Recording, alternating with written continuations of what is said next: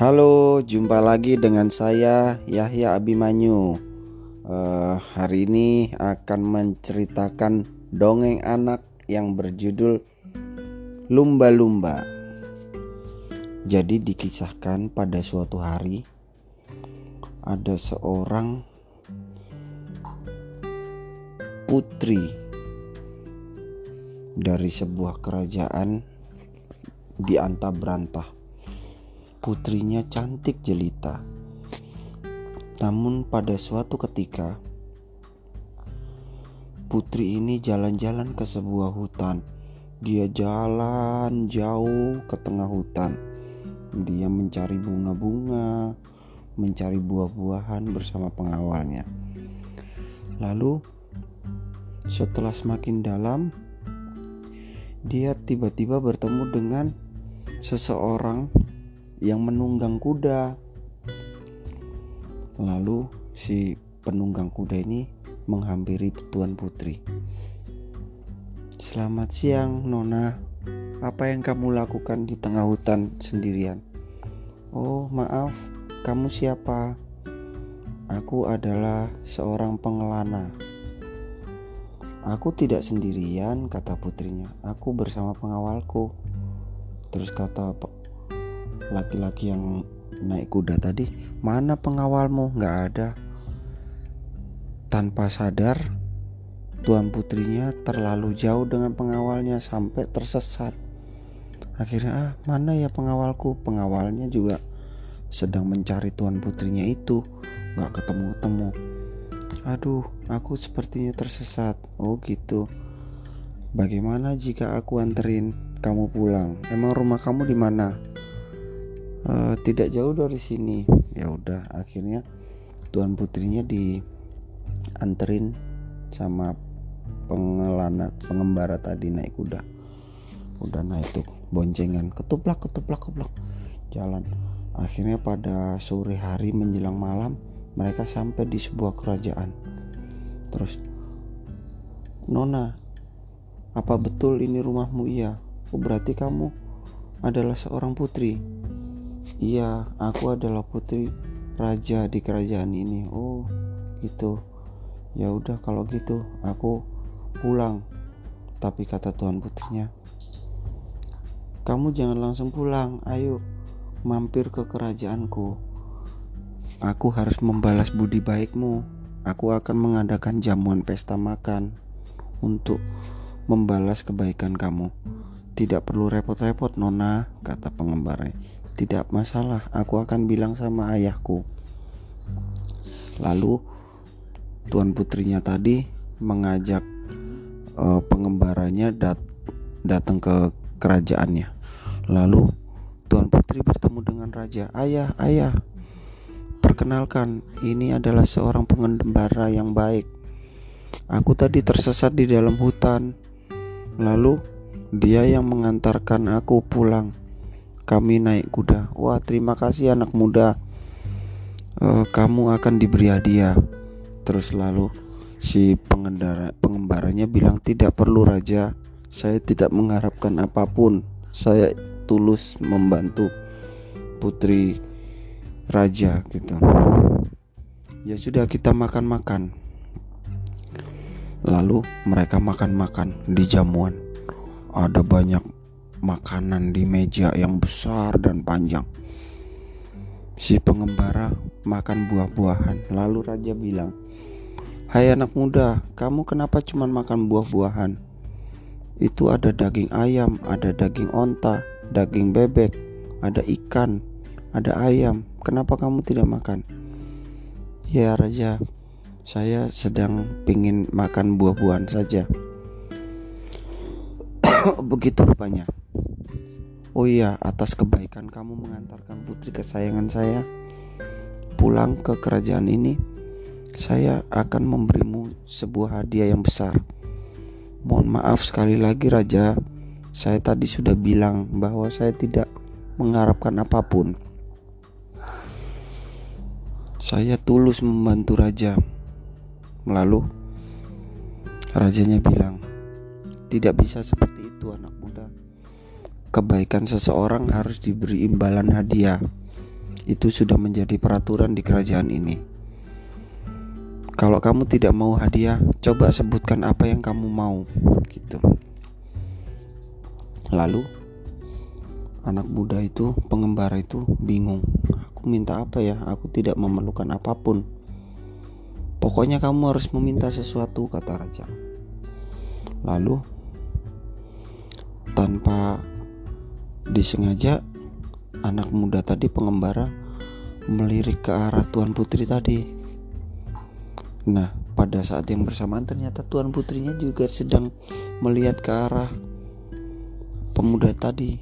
Lalu karena terpesona dengan kecantikan tuan putri itu, apalagi tuan putrinya senyum, lalu si pemuda tanpa sadar dia mengucapkan Cantik sekali putri.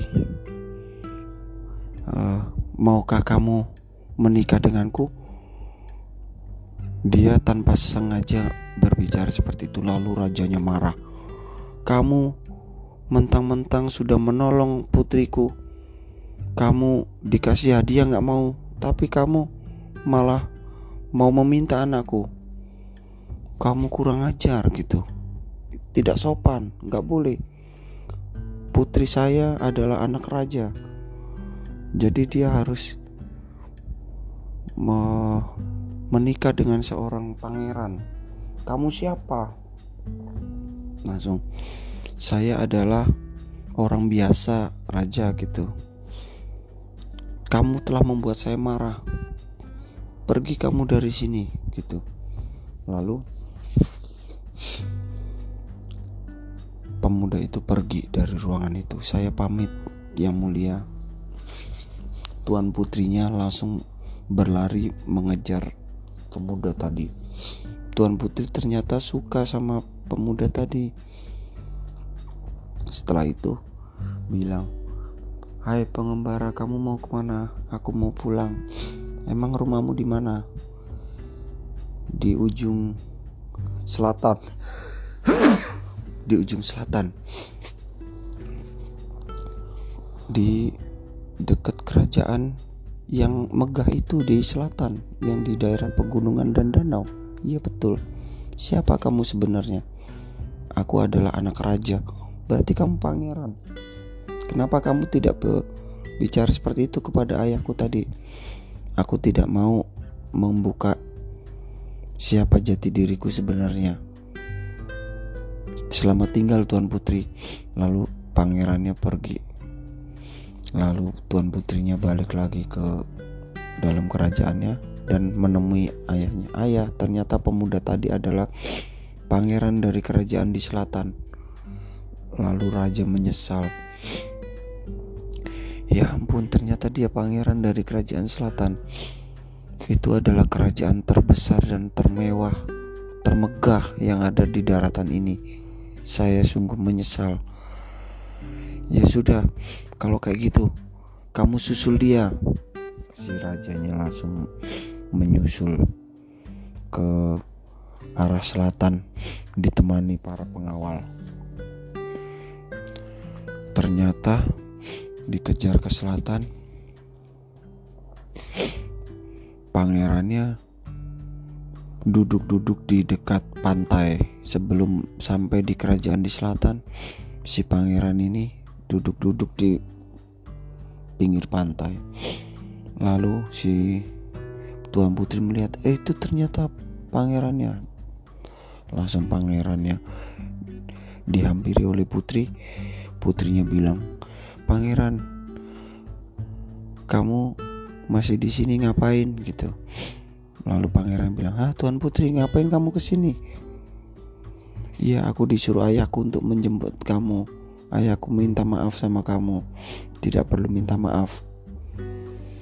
Aku juga sebagai putra mahkota di kerajaan selatan, sebenarnya aku tidak mau menjadi seorang pangeran apalagi nanti menjadi raja menggantiin ayahku. Karena aku ingin hidup bebas, tidak terikat oleh aturan-aturan di kerajaan yang selalu memandang orang dari luarnya saja. Aku tidak suka seperti itu. Aku ingin berpetualang bebas ke alam. Oh, pangeran, kamu baik sekali. andaikan saja aku bisa ikut denganmu gitu lalu lalu pangeran bilang emang kamu mau ikut aku iya oke bilang sama pengawalmu suruh kembali ke ke kerajaan kamu. Lalu si tuan putri nyuruh para pengawalnya. Kalian semua pulang ke kerajaan. Bilang sama ayahku aku ikut pangeran ke kerajaan selatan. Baik tuan putri pengawalnya pulang semua. Ternyata Si pangeran bilang, Aku tidak akan mengajak kamu kembali ke kerajaan selatan. Lu ke mana kita akan pergi? Kamu sudah berjanji untuk ikut aku. Aku ingin kita mengarungi samudra di lautan yang lepas. Bagaimana caranya? Aku tidak bisa berenang, kata si Tuan Putri. Nanti aku ajari. Nah, pada saat pada saat mereka bermain air di pantai si pangeran tadi mengajak tuan putrinya bermain di pantai lalu ternyata tanpa disengaja mereka berdua menginjak sebuah mutiara di pantai itu Mutiaranya besar sekali berwarna kuning keemasan. Mereka menginjak lalu, ah apa ini? Wah mutiara besar sekali. Ternyata diambil sama pangeran tersebut, dibersihkan dengan bajunya, di lalu diberikan kepada tuan putri ini tuan putri. Ternyata waktu mutiaranya dipegang Tuan Putri. Mutria, mutiaranya langsung pecah prak, lalu keluar seperti ya oke lalu dipegang sama Tuan Putri. Mutiaranya pecah terbelah jadi dua lalu keluar asap melambung tinggi besar. Setelah itu, dari asap itu menjadi sebuah bentuk seperti jin. Lalu asap tadi membumbung tinggi menjadi seperti sebuah jin. Lalu dia tertawa, haha. Pangeran dan Tuan Putri kaget. Siapa kamu? Aku adalah jin yang dikurung selama ribuan tahun oleh penyihir zaman dahulu dan aku disembunyikan di dalam mutiara emas ini. Setiap kali mutiara ini dipegang oleh laki-laki itu tidak berpengaruh apa-apa. Kalau dipegang oleh sebuah perempuan, seorang perempuan, apalagi dia adalah tuan putri atau berdarah biru, maka aku terbebas oleh kutukan kamu dikutuk. Iya, saya dulu dikutuk dan kutukan itu akan selesai jika mutiaranya dipegang oleh tuan putri atau wanita berdarah biru. Sekarang aku akan memberikan hadiah untuk kalian berdua karena telah membebaskan aku dari kutukan ini.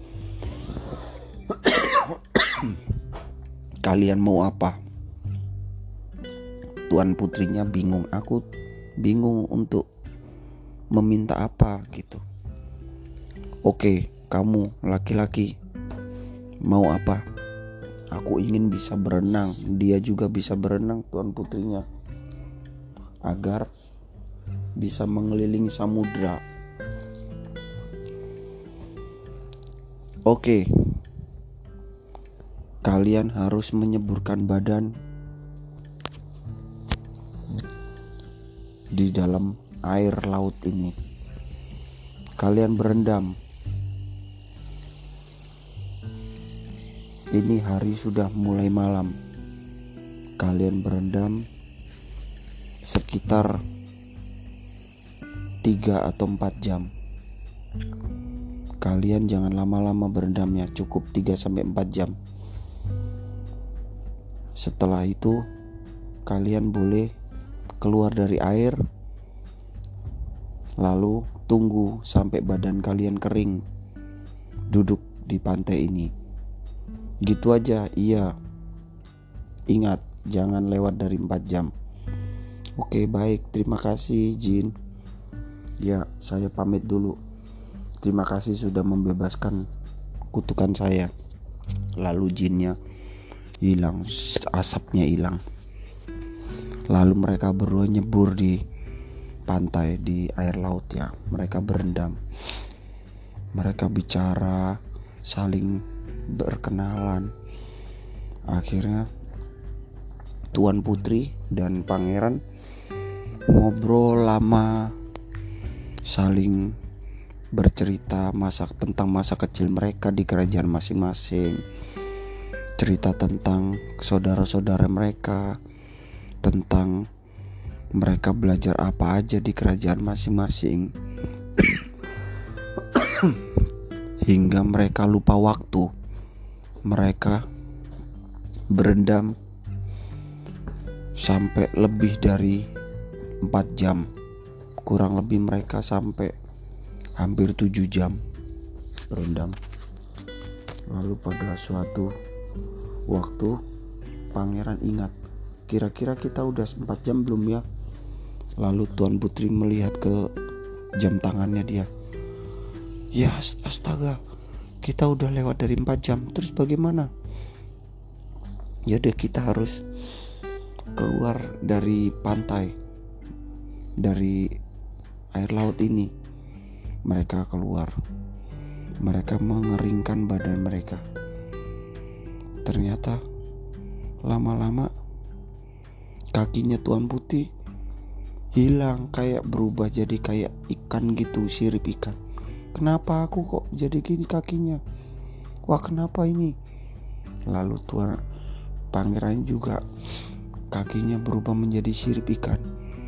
Lalu tangannya hilang pelan-pelan terus mukanya agak memanjang bibirnya jadi kayak ikan lalu mereka berubah menjadi ikan lumba-lumba mereka berdua bisa bicara pangeran kok kita menjadi ikan ya gimana ini tuan putri ini karena mungkin kita lebih dari 4 jam untuk berendam di laut Terus lama kelamaan mereka ngerasa gerah dan gak bisa bernapas. Lalu mereka kembali nyebur ke air laut. Akhirnya mereka berenang-berenang berdua. Lalu si pangeran baru ingat. Oh iya, kita tadi minta ke jin itu kita bisa berenang dan mengarungi samudra. Mungkin inilah jawabannya kita bebas di lautan ya udah kalau gitu ke mana pun kamu pergi aku akan ikut kata putri tuan putrinya lalu mereka itu berdua berenang ke sana kemari lompat-lompat di lautan. Jadi lumba-lumba itu dari situlah asal usul lumba-lumba itu. Lumba-lumba itu ternyata adalah jelmaan dari pangeran dan tuan putri tadi. Akhirnya mereka menikah lalu punya anak. Akhirnya sekarang lumba-lumbanya makin banyak. Udah berkeliling di seluruh dunia untuk mengarungi samudra luas makanya jika ada sebuah perahu atau kapal layar yang berlayar di lautan sering kali ada lumba-lumba yang ikut lompat-lompat. Mereka itu sebenarnya kangen melihat manusia karena mereka dulunya juga manusia kan. Jadi dia berenang ngikutin perahu kapal gitu. Mereka akhirnya hidup bebas di samudra Begitu ceritanya. Oke. Dongeng anak episode ketiga berjudul lumba-lumba selesai. Sampai jumpa di lain waktu.